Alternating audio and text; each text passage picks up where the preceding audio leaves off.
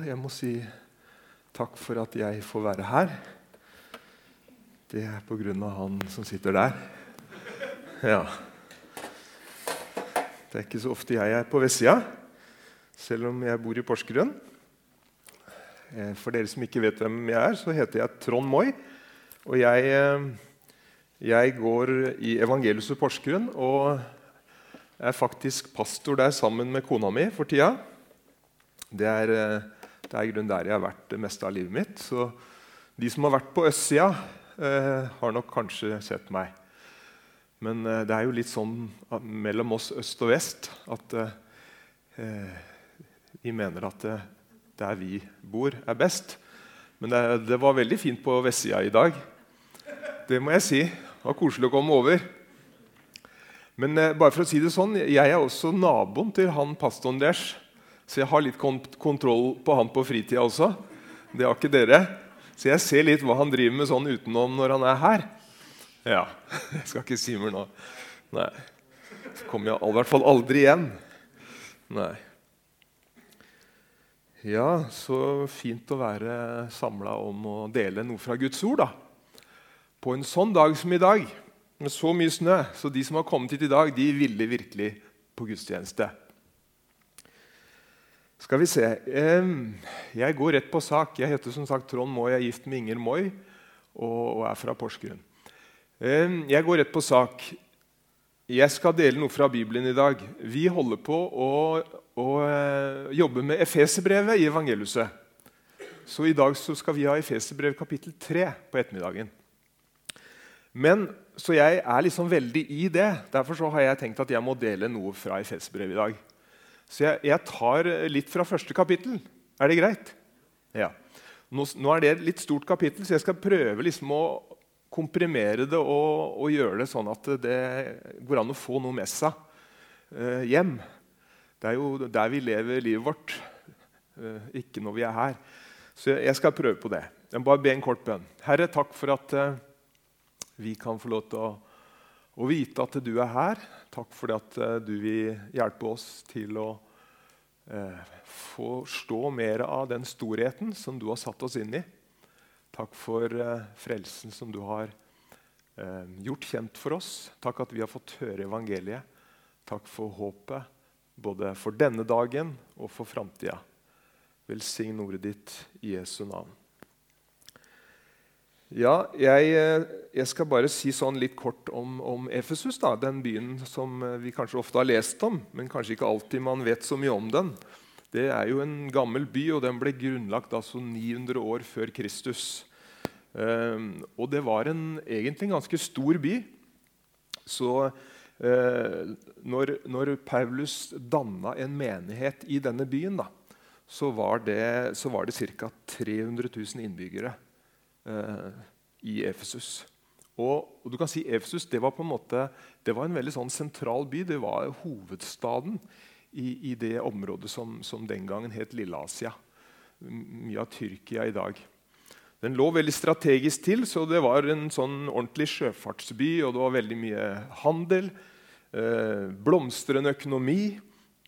Eh, det, byen var preget av velstand. Folk tjente penger. og og, og hadde det bra på den måten. Eh, for de som er økonomer her og litt sånn ekstra interessert, så kan jeg røpe og si at eh, den første verdensbanken ble starta faktisk i Efesus. Det var også en stor turistby. Den hadde ting som, eh, som eh, folk kom for å se. Nå skal jeg se om jeg får et bilde opp her. Der kom det! Der kom det. Ja.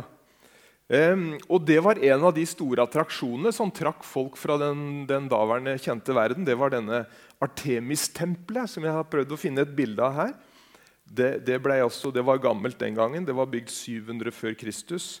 Og Det var um, opprinnelig en gresk jegergudinne som ble på en måte en slags sånn fruktbarhetssymbol. Og, og, kulten rundt det her ble, ble på en måte uh, Det handla om fruktbarhet. Og, og det, det, ble seksuelle orgier rundt dette. Um, så, sånn sett kan du si at Denne byen da, som Paulus kom til, den var, den var prega av veldig mye umoral. Det var bordeller, og, og, og, du kan si at dette med sex det ble både religion og forretning. Um, så du kan si at Det å komme til den byen for Paulus og skulle liksom innføre eh, en, en, ny tro, en ny måte å leve på, en ny moral, det, det kunne sikkert virke fryktelig håpløst. Um, det var også en sånn veldig stor arena. De som er, kanskje noen syns det er spennende. Ikke så veldig fint bilde, men det var faktisk plass til 25 000. Så det var også en sånn ting som trakk folk. Jeg vet ikke hvor mange det er plass til på Skagerrak Arena, men det er ikke så mange, vet jeg. Men i hvert fall så var det flere ting som, eh, som gjorde at denne byen var en viktig by, og en stor by og en kjent by på denne tiden. Eh, det fortelles også at Jesu mor og Johannes eh, var de første som flytta til denne byen fra Jesu nære krets. Da. Så De flytta dit i ca. år 45.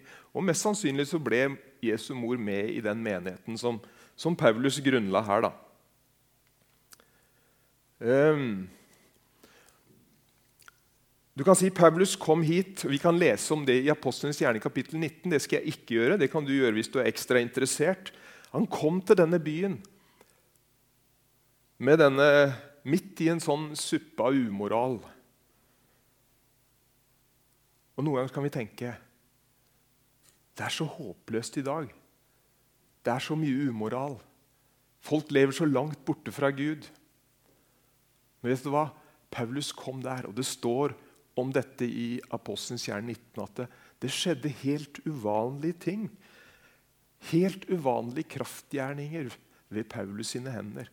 Så det er tydelig å si at det, det er ikke noe problem for Gud. altså. Men denne byen som på en måte hadde vært et sånn senter for så mye dårlig, da, den ble på en måte gjennom det budskapet som Paulus formidla, et senter og et knutepunkt for en ganske stor vekkelse og utbredelse av evangeliet i alle disse byene som, som, som lå i Lille-Asia. Philadelphia, eh, Smyrna, eh, også Efesus selvfølgelig her. da, Som vi kan lese om bl.a. i åpenbaringen. De alle fikk høre Guds ord, står det i løpet av to-tre år. Det gir oss håp som bor i Porsgrunn, ikke sant?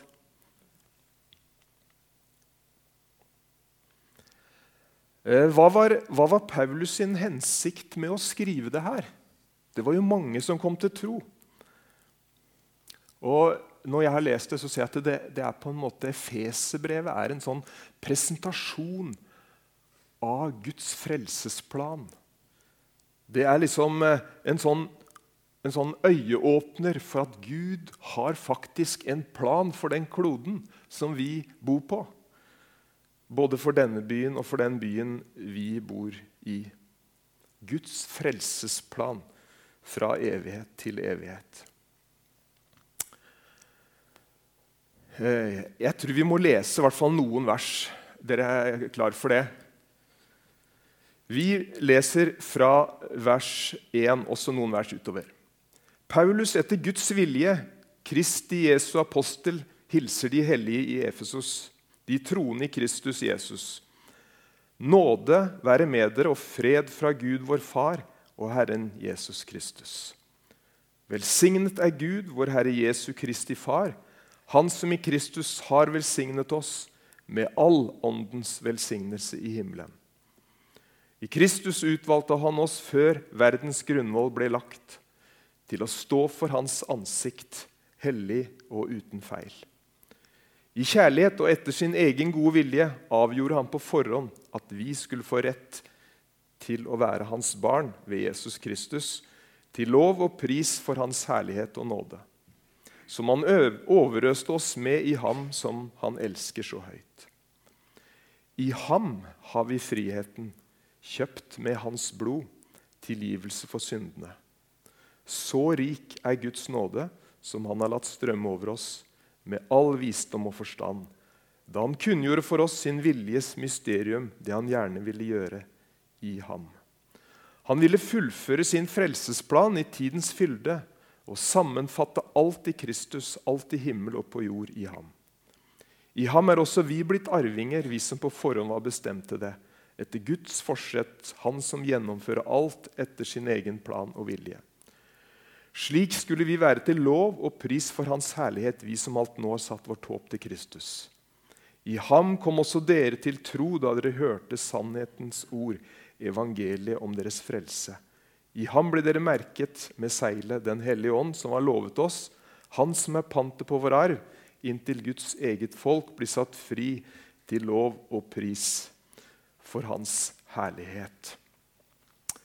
Og det var mange ord. Eh, jeg er klar over det. Men eh, det sier noe om hvem vi er, hva vi har fått, hva han har gjort, hva som har skjedd.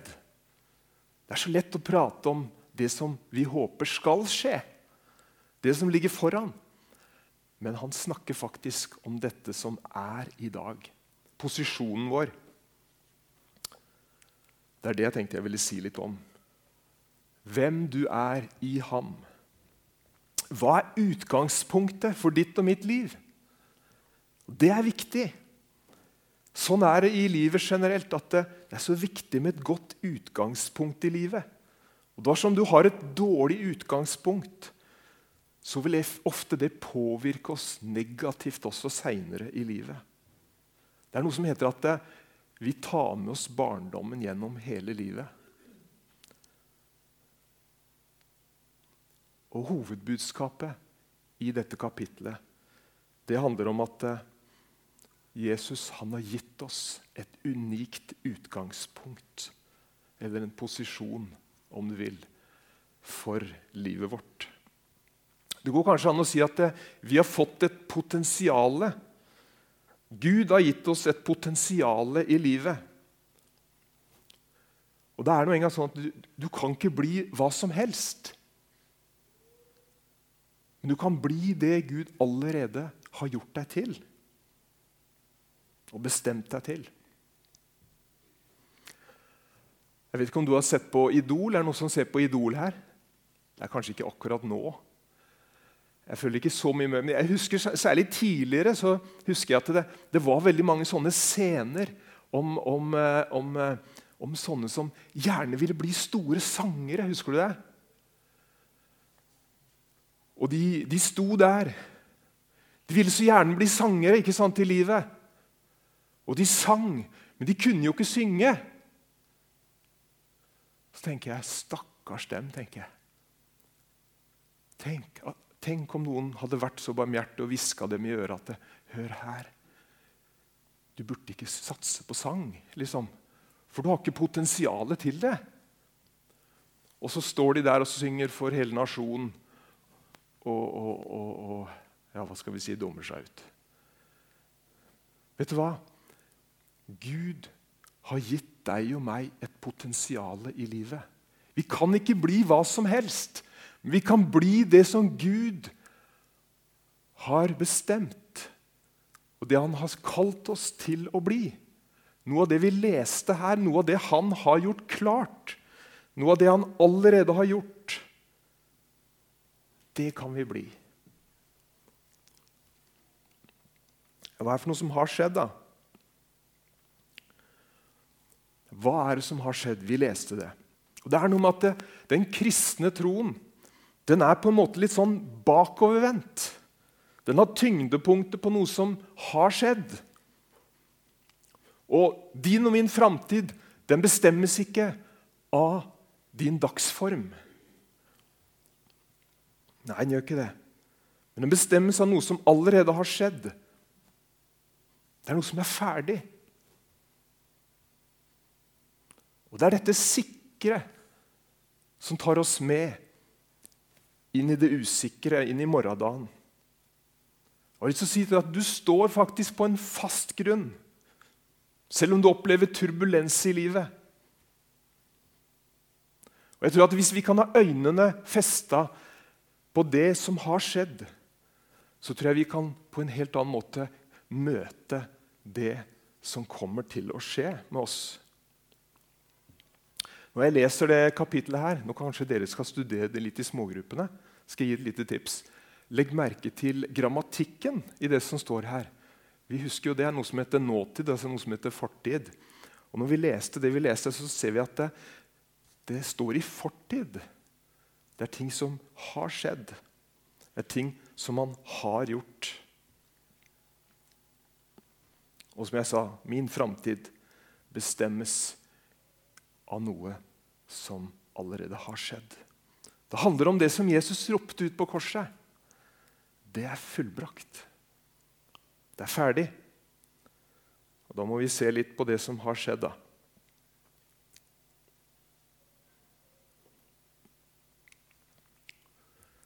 Han har velsignet oss. Er ikke det flott? At velsignelsen hviler ikke på hva du kan klare å få til, men den hviler på noe som har skjedd. Han har velsignet oss med all åndens velsignelse i himmelen. Det er liksom ikke bare noe, men det er all. Det stopper litt oppi her for meg når jeg snakker om det her. Men jeg har fått alt det jeg trenger i livet for å møte enhver storm. Fordi det hendte noe viktig på korset når Jesus ropte det som jeg sa. Det er fullbrakt, det er fullført. Det, du som har lest litt i Bibelen, du husker det at når Jesus ropte det her, så, så, så husker vi tempelet. Og Der var det et tjukt teppe som symboliserte et skille. Det var en skilsmisse mellom himmelen og jorden. Og den veggen skulle tydeliggjøre det. Der er det himmelske, her er det jordiske. Her lever vi, der lever Gud. Men når Jesus ropte det her, så, så, så står det det at det, da revna dette tjukke teppet fra øverst til nederst. Hva betydde det? Jo, det betydde at det, all himmelens velsignelse strømma nå mot deg og meg. Mot denne jorda. Gud tok vekk det skillet. Fordi han visste det at du og jeg som lever på denne kloden, vi trenger å oppleve noe av himmelen i våre liv. For vi har ikke nok for å møte dette livet i oss sjøl. Vi trenger himmelens velsignelse. Det, sånn det, var, det, var, sånn det egentlig var tenkt. En enhet mellom det himmelske og det jordiske. Og Det var det som skjedde, og det er det som ligger i det som Paulus lovpriser Gud for her. Lovet være Gud, Han som i Kristus har velsignet oss med all åndelig velsignelse i himmelen. Er ikke det fantastisk, da? Det gleder meg. Og så er jo på en måte det som kommer etter her, mer en sånn presisering av hva denne velsignelsen er. da. Han snakker om at vi, han har utvalgt oss til å stå for hans ansikt, hellige og uten feil. Tenk for et privilegium. Ikke sant? Du møter noen mennesker og du tenker liksom, hva tenker de om meg nå? liksom? De vet litt om meg. Det er ikke bare å treffe folk ansikt til ansikt, men du er utvalgt til å stå for Guds ansikt. Før han laga denne jorda, så hadde han bestemt det i hvert fall det skal skje. At uh, du og jeg vi skal ha en plass for hans ansikt. Der skal vi få lov til å leve. Vi skal få lov til å kjenne holdt jeg på å si, alt det som Gud kan gi inn i våre liv. Fantastisk. Hellig og uten feil. Sliter du med helliggjørelsen din? Vet du hva? Det er en som har fullført helliggjørelsen og gitt den til deg. Legg det vekk. Søk heller hans ansikt. Så vil du oppleve at det skjer noe med ditt liv. Det står nemlig det i, i, et, i et vers at da han hadde fullført renselsen for våre synder, så satte han seg. Det er det det handler om her. Den er fullført. Den er gitt til deg, og du kan få lov til å ta imot den og leve i den. Det står om barnekår også. Eh, jeg skal ikke si så mye om det. Men eh, det står i hvert fall at det var, ikke, det var liksom ikke press fra noen som gjorde at det, jo, jo, jeg får, jeg får ta den, jeg, da. Jeg får ta ansvar for den, jeg, da. Det står nemlig at det, det var i kjærlighet og han, av hans egen frie vilje så valgte han deg. At du skulle få være hans barn. Så du er elsket, og du er ønsket. av ham og til ham. I ham har vi friheten. Det er herlig å være fri. Og En skulle tro at de folka her i Efesus var fri. da.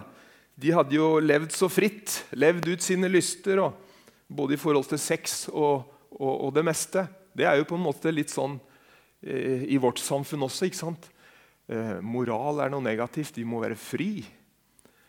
Men vet du hva? frihet det handler ikke om å gjøre hva vi vil. Det vet sikkert du. Men det handler om å få kontakt med Gud og se hva er det han vil med livet ditt. Å kunne leve i det elementet der. Og så handler det selvfølgelig om å få lov til å ta imot syndenes forlatelse pga. det Jesus har gjort. I ham har vi blitt arvinger. Det er deilig å arve, selv om det er alltid litt trist, for det er noen som har gått bort. Men det er noe med at det, det er veldig rart å arve, for du får noe som du ikke har jobba for sjøl. Det er liksom resultat av en annen persons eh, liv og arbeid. Og vet du hva? Arv det kan forandre et menneskes livssituasjon. Og Jeg tror du kan dra det inn i, i dette som har med Gud å gjøre. Du får del i noe en annen har gjort for deg. Og vet du hva? Det å begynne å åpne seg for noe av denne arven, begynne å tenke i den retningen der, det tror jeg kan forandre våre liv. Vet du hva? Disse folka her i Efesus, som hadde mye penger og Det var mye bra der. Men vet du hva? det var veldig mange som var bundet også. De fikk oppleve noe av den arven. Hvis du leser i Apostelens gjerne 19, så ser du at veldig mange av de de sleit. De var bundet i sinnet og i tanken, og mange av de var syke også. Så fikk de oppleve noe av denne arven som kom fra himmelen over livet sitt. Ikke fordi de var så snille og flinke, men de hadde tatt imot troen på det som en annen hadde gjort for dem. Det er fantastisk. Han har gitt oss ånden. Halleluja for det. Jeg er jo fra en pinsemenighet, og dere er jo pinsemenighet, dere også. egentlig. Ja. Vi kommer jo fra samme rota, vi. Du visste det? Ja. Jeg leste hva den, hva den menigheten er het opprinnelig. Det er ikke sikkert du vet. Du visste det? Ik ikke Ebenezer, altså. Porsgrunns frie misjon. Stemmer ikke det? Ja. Jeg vet mye om dere, jeg, skjønner du. Mer enn jeg sier i dag. Han har gitt oss posisjonen. Han har gitt oss på en måte seieren. Det, da må vi lese mer i kapittelet her. Det gjorde jeg ikke nå. Men han har satt oss med Kristus. Han har plassert oss med ham. Han har ja, Jeg skal ikke si noe mer om det. Men det er, veldig, det er, det er stort, det her. Det du har fått, er stort. Du må takke for det, og så må du gjøre deg kjent med hva det er. Nå har jeg sagt om det som har skjedd. Og så skal jeg si bare litt om det til slutt, det som skal skje. Det meste har skjedd. Er ikke det flott? Og så sier han, i forlengelsen av det jeg leste nå, så sier han at det, det er noe som jeg og du kan være med å påvirke. Og det er det han sier at 'Jeg ber for dere', sier han. At dere skal få den ånd som gir visdom og åpenbaring, så dere lærer Gud å kjenne. Det er noe skjult her. Så vi trenger å be om det. At vi kan få lys Sånn at vi kan eh, få innsikt i det håp som han har kalt oss til. Det går ikke sånn helt av seg sjøl, men det er en viktig bønn. Jeg har lyst til å si det, Gjør det til din personlige bønn også når du er sammen med Gud. Be om at han skal få vise enda mer av det som har skjedd. Det vil gjøre noe med ditt og mitt liv. Nå har jeg glemt å trykke på den greia her. Ja, Der står den. Så flott skal jeg si bare kort om det her. Det er forskjell på posisjon og situasjon. Kanskje du tenker at jeg kjenner meg ikke igjen i det du snakker om i dag, for jeg har det veldig tøft. Det er mange som har det tøft. altså. Du kan ha det tøft selv om du er troende. Vet du hva? Det er veldig viktig å ikke blande din posisjon og din situasjon. For det kan være veldig forskjellig. Men jeg har lyst til å si at det, uansett hva som er din situasjon i livet, så vil ikke det påvirke din posisjon i livet. Men jeg vil påstå at det, din posisjon, det vi har snakka om i dag, Det du har, den du er, ditt utgangspunkt i livet, det vil kunne påvirke din situasjon. Vet du hva? Paulus sin posisjon, vet du hva det var? Det var at han var satt med Jesus i himmelen. Over maktene og åndskreftene og alle disse destruktive kreftene som prøver å ødelegge alt det Gud har skapt. Det var hans posisjon. Vet du hva som var hans situasjon? Det var at han satt som fange i Rom. Han hadde det verre enn oss, kanskje. Men ta vare på din posisjon. Det kan påvirke din, også din situasjon.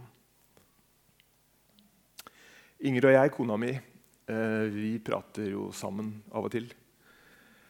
Og Særlig fordi vi jobber i evangeliet begge to. Og så snakka vi her om dagen så sa vi at eh, det som jeg begynte litt med at eh, Hvis et menneske har på en måte en dårlig start i livet. Jeg hadde en mamma som hadde det. Så vil det lett prege den persons liv. Men jeg har også lyst til å si at Gud kan lege deg og løse deg. Så ikke, ikke ta det med at det er min skjebne i livet. Men bare for å bruke det som et eksempel. Det er fordi at eh, Når vi leser det kapittelet, så ser vi at Gud har gitt deg og meg et fantastisk utgangspunkt for å leve et kristenliv. Da. Han har gitt oss en unik posisjon. Fordi han, han har gjort noe. Han har bestemt noe. Og han har gitt noe som kommer til å vise seg i livet ditt før eller seinere. For Jeg tror nemlig at Gud han har bestemt deg til å vinne. Og jeg har levd i mange år, så jeg, jeg tror det er sant. Det er ikke bare sånn lett frase som jeg slenger ut. Jeg tror på det budskapet her, jeg tror på evangeliet. At du er bestemt for noe positivt.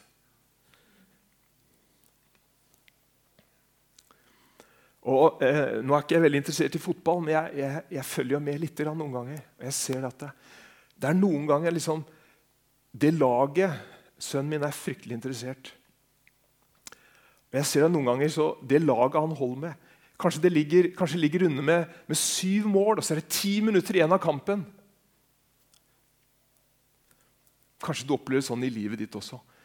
Det er liksom, Du ligger under med syv mål. Og så har mye av livet gått. Jeg kan jo ikke vinne. Men vet du hva? Selv om du ligger under med sju mål, så kommer du til å vinne. Fordi Jesus, han har bestemt deg til å vinne den kampen. Og jeg tror at det, Jesus han er mektig til Det han har gjort, det vil kunne ta deg igjen der du er. Vet du hva? Det her tror jeg på, altså. Så hold fast ved det håpet. Det han har gjort, det kommer til å ta deg igjen. For Vi leste her at han hadde bestemt noe, og han er mektig til å gjennomføre noe i ditt liv når du tar vare på fellesskap med ham. Ja, hvordan er det mulig, sier du? I vers 19 så står det over overveldende hans kraft er hos oss som tror. Hvordan kan dette skje og utfolde seg i sånne som meg? Svake, skrøpelige, ufullkomne mennesker i den byen vi lever i. Paulus sier det. Det er mulig ved Guds kraft. En overveldende kraft. Den samme kraften som Jesus reiste Jesus opp med. Det er ikke bare det at dette skal skje en dag, men legg merke til grammatikken. Den er hos oss som tror. Og jeg har lyst til å si det til slutt. Paulus gir deg og meg en forventning til denne kraften. Eh, det er ikke sikkert det er så mange apostler her. Det er ikke sikkert du kommer til å få oppleve akkurat det som Paulus opplevde. De tok klærne hans til og med la på syke. Det var en kraft. Det var denne kraften her. Men vet du hva? Denne kraften er hos deg og meg som tror. Og jeg har lyst til å si det, Ta den med deg ut i hverdagen din. For den er mektig til å gjøre det umulige også i ditt liv. Amen. Nå klarte jeg det på en halvtime, Tore. Fantastisk. Vi må be en kort bønn. Herre, så kan du komme opp, eh, og dere komme opp som skal spille. Herre, vi takker deg for eh, storheten i ditt budskap. Og jeg takker deg for at eh, dette er ikke langt borte. dette har du gitt til oss. Og jeg bare ber for denne menigheten at de skal få lov til å leve i det som er sannhet. Både i ditt hjerte, i hele universet, i åndverdenen, så vet man at du har underlagt deg alle ting. Og du har gitt oss denne posisjonen i livet for at vi skal få del i de himmelske ressursene inn i vår hverdag. Og Jeg bare ønsker å be, Herre, hvis det er noen som, som, som har det litt utfordrende om dagen, så må du gjerne løfte opp hånda di. Skal jeg be spesielt for deg? Kan vi andre gjerne ha øynene igjen, så ikke noen henges ut her. Jeg skal gjerne be en bønn for deg. Gud velsigne deg og dere. Ja, I Jesu navn. Herre, jeg bare ber om at uh, du skal la noe av himmelen få lov til å, å, å prege uh, denne situasjonen som disse er i. Takk at de skal få lov til å oppleve noe av den arven som vi snakker om her, som du har gitt oss. Og jeg ber om at din kraft skal gjøre seg virksom i disse situasjonene. Kom du med det himmelske inn i deres liv. Vi bare ber deg, Far, i Jesu navn. Amen. Gud velsigne dere. Amen.